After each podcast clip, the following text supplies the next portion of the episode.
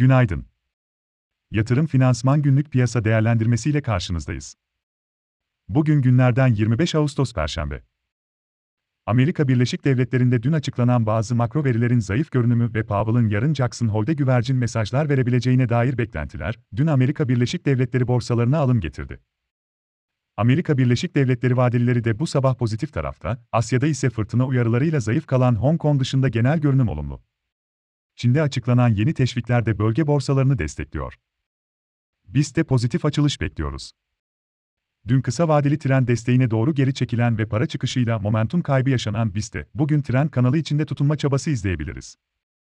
Volatilite artışı kısa vadeli riskleri de artırıyor, ancak orta uzun vadeli perspektifte Türk şirketlerinin halen cazip getiri potansiyelleri sunması ve düşük çarpanlar nedeniyle yatırımcı ilgisinin süreceğini düşünüyoruz.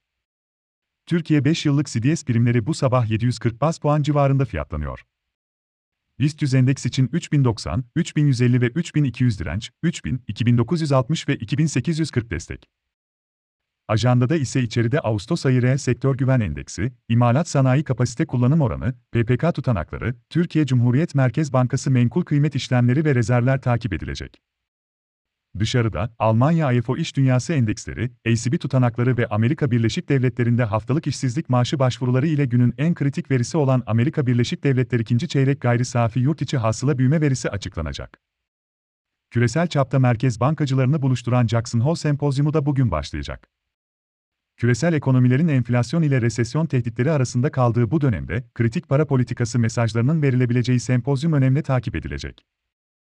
FED Başkanı Powell'ın yarın 17'de konuşması bekleniyor, ancak konuşma metni daha erken paylaşılabilir. Yatırım finansman olarak bol kazançlı bir gün dileriz.